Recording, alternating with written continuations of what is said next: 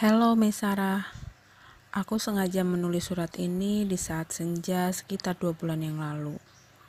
Meski terdengar aneh saat menulis surat untuk diri sendiri, tapi tak apalah, karena dengan surat ini aku memberi ruang untuk bisa berkontemplasi. Hai aku, bagaimana kabarnya? Masih kuatkah untuk bisa terus berpikir optimis?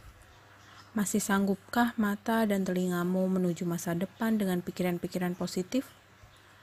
Aku berharap iya, karena jika tidak, maka sia-sialah bertahan sejauh ini. Oh ya, selamat!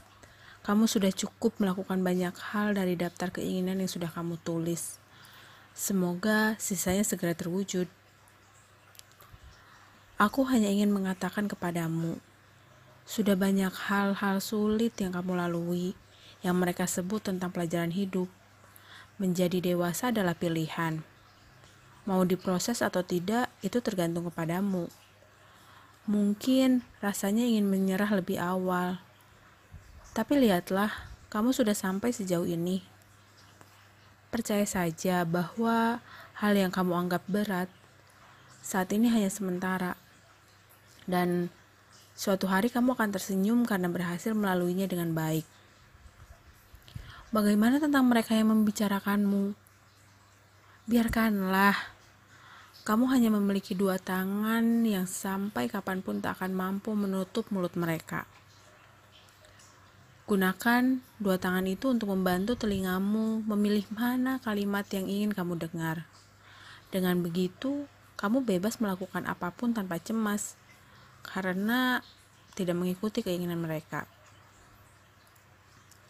Hai aku, banyak hal yang mungkin tidak kamu mengerti. Kerjakan yang harus dan mampu kamu lakukan saja. Biarkan sisanya Tuhan yang melengkapi usahamu. Tetaplah berpikir positif, karena itu satu-satunya pilihan. Tentang orang-orang yang meninggalkanmu di saat sulit, lepaskanlah kamu hanya perlu lebih kuat untuk bisa memahami bahwa saat kamu mengandalkan manusia, memang pasti mengecewakan. Setelah itu, kamu dengan begitu yakinnya percaya bahwa cukup bagimu mengandalkan Tuhan saja. Jika mereka kembali datang dengan janji manis, hadapi, jangan lantas segera mengeluh. Biarkan Tuhan yang menyeleksi dan kamu akan mendapatkan pengganti jika mereka kembali pergi. Seperti itulah seleksi alam yang kamu hadapi. Aku mencintai diriku, masa laluku, bahkan aku di masa yang akan datang. Tetaplah semangat. Tuhan selalu bersamamu dengan jangan pernah merasa takut untuk melangkah. Jangan menyesal terhadap keputusan apa pun yang kamu ambil kamu hanya harus menghadapi konsekuensinya. Kamu perlu mengingat ini, Mesarah.